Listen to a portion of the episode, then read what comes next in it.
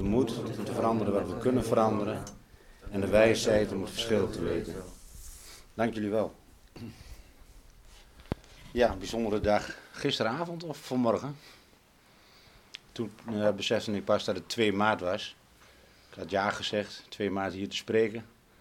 En door allerlei omstandigheden en geen excuses, maar uh, is het toch een beetje naar de achtergrond gegaan dat ik hier moest spreken. En uh, besefte ik in één keer van, oh god ja, het is 2 maart. Wat verdorie, ik had vanavond ook eigenlijk nog wat anders. Uh, mijn zelfbeeldgroep. Dus ik heb dat ook helemaal verkeerd. Ik heb maar zo ja gezegd. Maar ik heb het gehandeld. Ik heb, uh, ik heb muziek gemeld bij de zelfbeeldgroep. Dat was de laatste keer. En uh, dat wordt er nou over twee weken de laatste keer. En ik ben totaal onvoorbereid, bewust. Eerst schoot alles schoot, schoot me dicht. Van jeetje, wat moet ik dan doen? Ik moet nog wat voorbereiden. En toen ben ik eens rustig gaan zitten. Ik denk, ja, ik krijg het ook. Wat moet ik voorbereiden? Waarom moet ik wat voorbereiden? Ik heb een goed geheugen, gelukkig heeft, heeft mijn middel dat niet van me afgenomen. Dus waarom zou ik dan niet gewoon gaan zitten en gewoon, gewoon vertellen wat er in mij opkomt? Wat mij beweegt, wat, wat, wat, wat, wat mij hier binnen de groep helpt en heeft geholpen. Hoe ik hier ben gekomen. En ja, dat is een hele lange reis. Een hele lange reis van, van, van gebruik. En waar het uh, waar ik even terug ga naar dat ik nou dus uh, iets meer dan een jaar clean ben. En de dag dat ik clean was, die meeting daarvoor, sprak een fellow mij aan of ik trots was. En toen moest ik even heel goed nadenken en, en ik besefte dat ik absoluut niet trots was. Wel heel blij, dat zei ik hem ook. Ik zeg, ik ben heel blij dat ik dit nou weer, weer op de rit heb en op, een, op een hele andere manier als ooit tevoren. door deze groep, door mensen om me heen door deze manier van, uh, van Narcotics Anonymous, van de twaalf stappen beleven en toe te passen door middel van de vijf tools. En de vijf tools kom je straks ook nog op terug, want dat is ook een, belangrijk ding geweest. Zo in augustus vorig jaar, wat mij heeft geholpen. En, maar dat trots, dat was er dus niet. zeker niet omdat het was er niet omdat ik dat niet wil hebben, omdat ik geen ego wil hebben of dat uit wil stralen van ik ben niet trots. Nee, ik was gewoon niet trots. Ik was op dat moment en op dit moment ben ik ook niet zo heel fanatiek met het programma bezig. En uh, ik schrijf niet, ben mijn sponsor te weinig. Hij is er ook te weinig voor mij, maar dat is geen excuus. Ik kan hem, daarom kan ik hem nog steeds elke dag bellen en dat doe ik niet. Uh, dat zijn dingen die ik voor mezelf zie, niet als falen, maar, op, maar als een soort fase. En waar ik nog steeds voor ogen heb dat het, uh, dat het tijdelijk is. En dat ik weer volledig uh, voor die vijf tools ga. Dat staat nog steeds voor ogen. Dat is, ik kom er wel steeds meer achter hoe moeilijk dat is als je het even aan de kant zet om het weer op te pakken. Maar het gaat me wel weer lukken. En dat weet ik 100% zeker. Dus daarom was ik ook niet erg trots. Maar überhaupt niet trots. Ik weet wel dat ik wanneer ik wel trots was Zoals veel van jullie weten ben ik, uh, 30 mei 2015, dat was ook ooit een hele belangrijke datum, ben ik voor het eerst echt helemaal clean geworden. En dat heb ik zo'n 4,5 jaar ongeveer volgehouden, tot eind november 2019. En daar was ik heel trots. Dat ik eindelijk dat middel kon laten staan. En ik weet nu, na al die tijd, zoveel beter hoe, we hoe het toen allemaal gewerkt heeft. En hoe, ik kijk er nou heel anders op terug. Maar toen was ik ervan overtuigd dat het stoppen, dat het alles was. En uh, dat, het, dat het mij spiritueel zou veranderen. En dat deed het ook. In zekere zin deed het dat ook. Ik was, ik was een ander mens. Ik ging heel, heel veel voelen, heel veel... Uh, ik ging, ging schrijven, dichten. Ik ging de natuur in, waar ik jaren niet meer gedaan heb. Ik ging fotograferen met heel veel passie. En... Uh, Daardoor voelde ik wel me spiritueel een heel anders en beter mens. Alleen het had geen diepgang. En dat vergat ik. Dat het verder geen diepgang had. En ik ging ook gelijk wel weer de controle in. Daar bleef ik in. De controle, heel erg. Ik, uh, ik kreeg nieuw, uh, nieuw werk. Ik zat dus mijn laatste gebruikersdag. Was dus ook dat de, laatste, de, de laatste dag van mijn geld. Dus dat was ook een, een goede stok achter de deur. Ik kon gewoon niet meer mijn middel kopen, heel simpel. En ik moest gewoon ik moest weer werken. Ik moest weer dingen op gaan pakken. Dat of ik zat echt op die stoel, zat ik echt van of ik stop met leven of ik stop met gebruiken. En ik ga weer beginnen met een, eh, met een leven op te bouwen. En dat heb ik toen gedaan. En best wel succesvol. Alleen niet spiritueel. Achteraf. Ik voelde me wel een beter mens. Doordat ik andere dingen ging doen, anders ging dingen aankijken.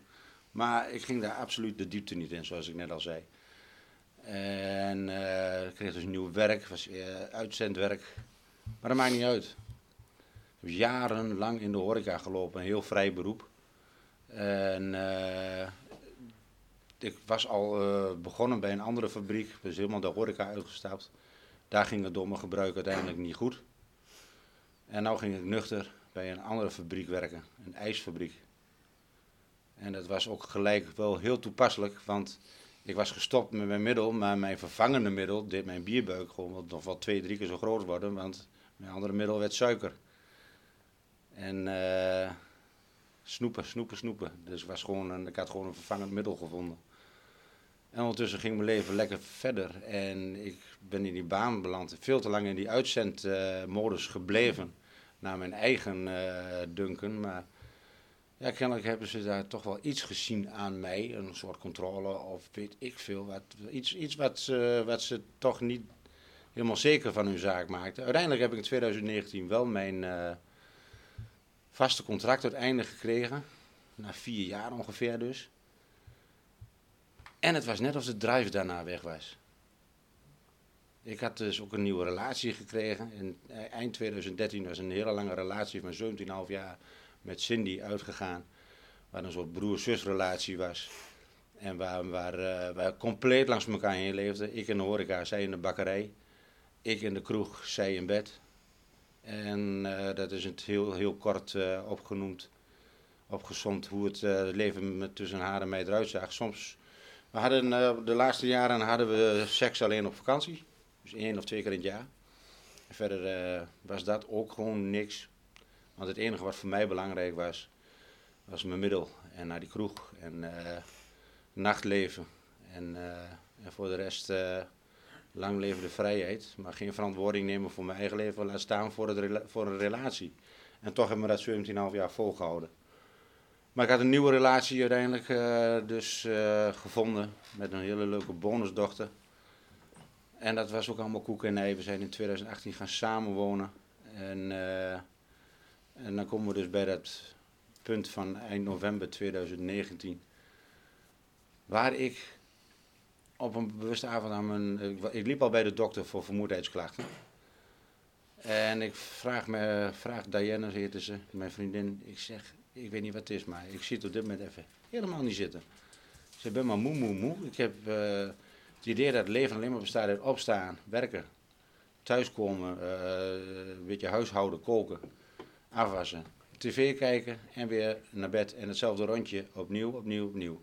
En dan een, hooguit in het weekend een beetje wat anders doen. Maar ik vind het niet leuk meer. En ik heb het idee dat ik tegen een burn-out aanloop. En dan hadden we daar eens een keer over gehad. En ik wist dat zij de opmerking had gemaakt dat, uh, dat zij het woord, het woord burn-out op zich niks vond. Dus ik, ik gebruik dat wel en dat is omdat ik dat altijd al gebruikt had. Niet voor mezelf, maar voor een ander. Ik vond het gewoon een heel normaal woord. Maar haar enige reactie op dat moment was dus niet een van empathie, maar van burn-out, burn-out, dat woord, dat wil ik hier niet aan. Nou, dat vond ik dus een hele koude, kille reactie, vond ik. Terwijl het voor haar gewoon alleen maar een uh, niemendalletje was om, om dat woord. Alleen voor mij was het een mokerslag in mijn gezicht. Ik heb mijn mond gehouden en ik ben doorgegaan. En een van die dagen ben ik op mijn werk in diezelfde toestand. En ik heb ook nog een stijve nek. Ik een spierverrekt in mijn nek. Dus ik was zo mijn werk aan het doen. En uh, wij hadden daar aroma's voor het ijs. En een daarvan was natuurlijk ook voor de, voor de Malaga-ijs, ster, sterke drank. En uh, goh, als ik dat nou eens één keer neem, dan is mijn pijn in mijn nek verdoofd. En dan kan ik deze dag wat makkelijker uitwerken. En ik kan, daarna kan ik gewoon doen wat ik al 4,5 jaar lang bewezen heb. Dat ik dus makkelijk kan stoppen met mijn middel en dat er niks aan de hand is. Nou, dat was dus een complete verrassing dat dat niet opging, die vliegen. Wat ben ik daar voor de bikkels gegaan door daar die ene kleine slok te nemen. Ja, nou heb ik het toch over een slok en is mijn middel bekend. Ik probeer dat voor me te houden, maar het is heel moeilijk met mijn middel. En waar ik van geschrokken ben, is de mate waarop je, je, je alweer uh, je gewenning hebt. En, uh, en hoe je daar uh, nog meer nodig hebt en nog, en nog gulziger bent als, als, als, als voor die tijd. En zo heb ik anderhalf jaar lang gekwakkeld. Stoppen, weer terugvallen, stoppen, weer terugvallen. Uiteindelijk keuze gemaakt om naar de kliniek, kliniek te gaan in oktober 2020. Na de kliniek ben ik voor het eerst met, uh, met, met, met, met groepen, echt met groepen in aanraking gekomen. En daar heb ik uh, een uh, fellow leren, kennen, fellows leren kennen, die ook wel hier zijn. En het belangrijkste is dat ik toen ging ik naar andere groepen als deze. Ik ben, ik ben teruggevallen weer. En toen wou ik zelfs gewoon nog naar de meeting gaan uh, en daar gewoon bij gaan zitten. En het vergeten, het overheen stappen, weer stoppen en, uh, en net doen of er niks aan de hand was. Dat was ook nog een gedachte die ik had. Dus gewoon weer liegen. Dus ik, ik had het weer gebruikt en het liegen, dat begon ook al gelijk weer. Ik heb dat uiteindelijk niet gedaan. En ik ben niet meer naar die meetings gegaan. En toen kwam de, de 18e februari kwam er bijna aan. 17 februari was ik uit huis bij mijn huidige partner.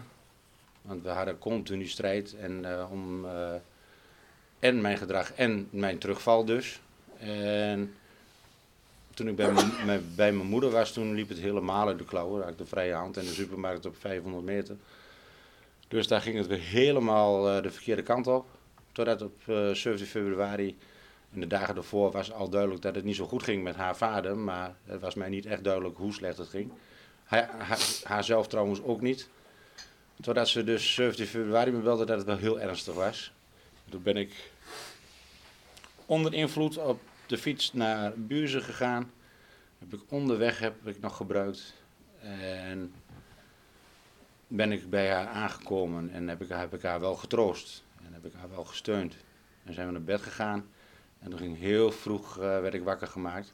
Dat we alle minuten naar het uh, ziekenhuis moesten.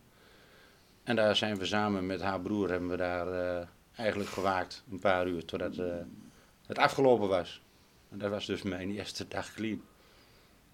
Op mijn eerste dag clean zie ik mijn tussen aanhalingstekens schoonvader sterven. Heel apart. Daar word ik even stil van nu. En dat is ook wel iets kenmerkends voor mij. Dat ik daar nu pas emotioneel over kan worden. The story of my life. Zelfs met mijn eigen vader heb ik pas een jaar, een jaar later de eerste tranen gelaten. Goed. En wat ik dus ook altijd heel goed kon, was dat aan de kant zetten en doorgaan. Dat doe ik dus nu ook. uh, voordat ik de clue van mijn hele verhaal kwijtraak. Ja, daar begon dus, uh, daar begon dus wel mijn nieuwe cleanperiode, langere cleanperiode. Die serieus is, want uh, anders had ik dat geen jaar volgehouden. Nog lang niet uh, op de goede weg, maar ik heb toen wel besloten om nogmaals naar een kliniek te gaan. Gelukkig uh, in mijn ogen een veel betere kliniek. En uh, daar ben ik vier weken geweest. Dan ben ik van 11 maart tot 11 april geweest. Daar uitkomende serieus gezocht naar locaties voor meetings. En toen heb ik mijn, eigenlijk mijn oude meetingpatroon weer opgepakt. Maar toen kwam ik dus weer die fellow tegen. En uh, die zei mij dat ze naar veel meer meetings ging. Ook op woensdag en op donderdag. En ik zeg, ja, waar ga je dan naartoe? Ja, hier naar de Deuningenstraat, om de hoek. Ik zeg, oh, nou ja, in mijn ogen, het eh, kwam niet op, uh, op, de, op de zoeklijst voor in, eh, in de kliniek. Of, of we hebben het niet goed gezocht. Maar het is er bij mij niet uitgesprongen. Maar ik ben meegegaan. Ik ben, uh, ben, ben hier binnen gewandeld voor de eerste keer ergens in mei, geloof ik. En het viel mij gelijk op, die eerste meeting al, hoe anders en hoe, hoeveel warmer en ja, diepgaander en serieuzer het hier aan toe ging. En dat was iets wat mij uh, gelijk aansprak. En ondertussen was ik gewoon aan de andere kant nog bezig. Daar, daar, daar heb ik eigenlijk nog steeds een sponsor. En, alleen we hebben gewoon totaal geen contact meer. Dus uh, ik heb hem nog steeds niet het bericht gegeven van je hoeft mijn sponsor niet meer te zijn. Ook eigenlijk heel schandalig, maar moet, dat is iets wat ik nog moet doen. Maar ik denk wel dat hij de boodschap al begrepen heeft ondertussen. Maar.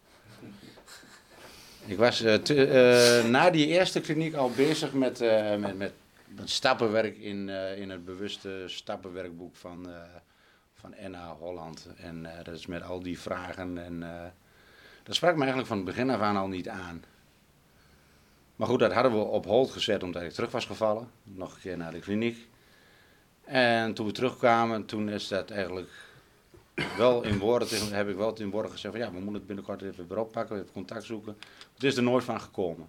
En toen kwam dus deze, toen kwam deze groep uh, bij mij in zicht en in beeld. En ben ik hier uh, steeds vaker naartoe gegaan. Uiteindelijk ook, uh, ook eens een keer in, in het weekend naar, naar Hengelo en een keer op dinsdagavond naar Hengelo. Maar het was allemaal nog lekker vrijblijvend. En, maar het sprak me wel heel erg aan. Uh, ondertussen keer wat, wat literatuur doorgenomen, uh, gelezen, hier de, de briefjes meegenomen, de foldertjes. Onder andere de vijf tools heb wel een keer meegenomen. En toen kwam uh, jullie lekker op vakantie naar Denemarken. Ik had uiteraard hier nog geen sponsor, dus ook geen verplichtingen om te bellen of niks. Of, ik deed ook nog helemaal niks aan die vijf tools, ondanks dat ik dat foldertje had gelezen. Lekker op vakantie, heb die twee weken ook totaal geen contact gehad, niet naar meetings geweest. Niet online, niet in Denemarken zelf. En, uh, en ik kom gewoon leuk terug van vakantie. En ik zit weer hier bij de meetings. En ik wil niet zeggen dat het de eerste meeting was, maar een van de eerste na de vakantie. Deelt een fellow over de vijf tools. En ik zit hier gewoon bij mezelf. Vijf tools, vijf tools. Wat zijn die vijf tools ook alweer? Geen flauw idee. En dat zette mij aan het denken.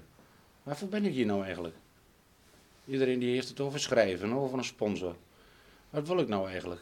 Wil ik nou daar uh, bij, die, bij andere kant uh, eindelijk het op, weer oppakken met mijn sponsor en het daar doorzetten en daar het uh, stappenwerken gaan doen? Wat wil ik eigenlijk? Nou, ik kwam in een andere fellow in gesprek en oh, waarom ga je een sponsor vragen? Vergeet die andere groep toch? En op een gegeven moment, na goed lang wikken en wegen, dat wel. Ik, heb het wel, ik heb, uh, ben heel makkelijk beïnvloedbaar, maar uiteindelijk, uh, als ik daardoor een verkeerde keuze maak, ben ik ook wel uh, degene die dan vrij snel de motivatie verliest en, en het maar een beloop laat, die keuze die ik daar gemaakt heb. Of gewoon eerlijk zeggen van, nou jongens, dit is hem niet. En ik heb uh, naar hem geluisterd. Ik heb dat voor mezelf op mijn rijtje gezet. En ik heb hier een sponsor gevraagd. En uh, werd toen. Uh, was al vrij gauw was de EFSC.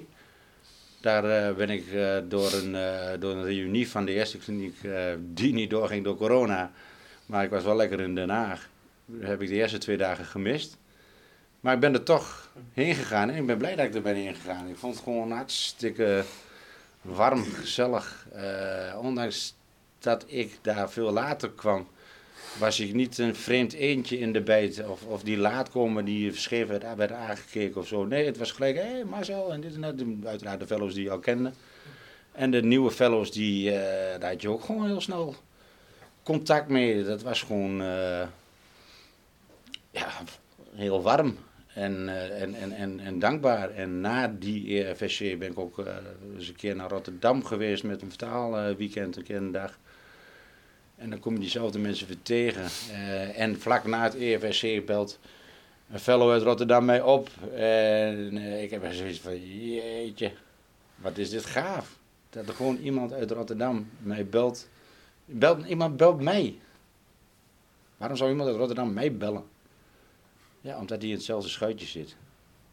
En omdat hij ook met uh, zijn dingen wil delen. En omdat hij ook met een uh, gelijkgestemde wil praten. En En dat we allemaal in elkaar, dat ik, ik, ik bij iedereen zie dat we dezelfde drive hebben, dat we dezelfde, ja, we, we hebben allemaal dezelfde drive. We willen niet meer, we willen niet meer gebruiken. En we willen spiritueel een beter mens worden. En dat laatste, dat is zo verdomde moeilijk. Dat vind ik zo verdomde moeilijk. En met mijn hele leven lang heb ik eigenlijk op het randje van narcisme gebalanceerd. Alles draaide om mij. Alles draaide om mij. Ik was alleen maar met mezelf bezig. Hoe zielig ik wel niet was. Hoe anders ik wel niet was. Uh, slimmer, intelligenter als de rest. En daardoor juist dommer als de rest, want ik paste er sociaal totaal niet tussen daardoor. Was ik weer zielig. Uh, noem het maar op. Uh, elke relatie draaide om mij, hoe ik me voelde. Empathie had ik alleen met een, uh, met een, met een jankfilm op tv. Daar jankte ik prachtig mee. In het echte leven toonde ik geen emotie bij een uh, sterfgeval, toonde ik geen emotie bij grote ruzies. Ik, ik kroop in mijn schulp, ik, ik, vond het wel best en ik, ik vluchtte. En ik ging verder met mijn eigen ding.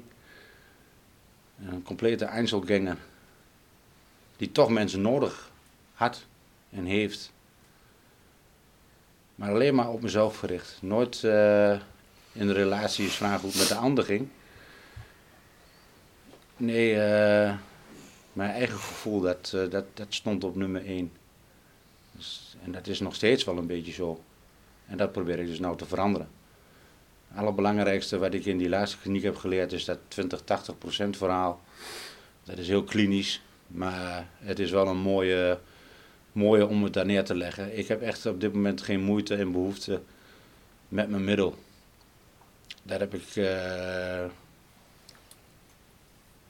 heel lang over nagedacht. En het komt er heel makkelijk uit. Besef me tegelijkertijd door eind november 2019 hoe makkelijk het is om het toch weer te doen. Alhoewel ik nou wel uh, geleerd heb door die, door die, die anderhalf jaar vechten. Uh, op en af, op en af en hoe erg het wordt. En dat ik toen pas echt lichamelijk bijna naar de kloten ging. Ik heb gehallucineerd. Dat ik gewoon een film zag in de slaapkamer. Ik was bij mijn moeder weer eens een keer.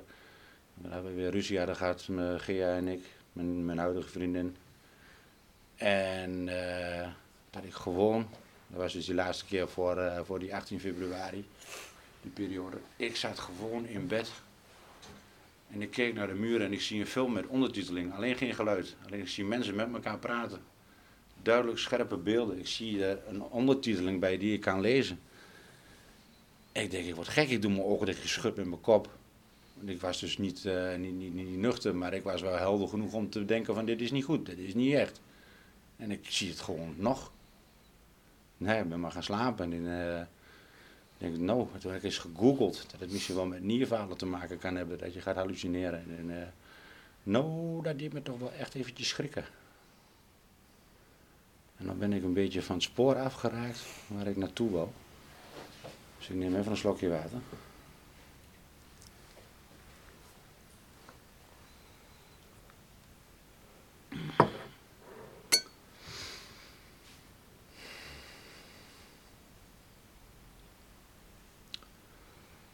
Het hoeft ook geen samenhangend verhaal te worden, dus ik ga maar even ergens verder. Ik was ergens na de EFSC was ik een afslag ingegaan en... Uh,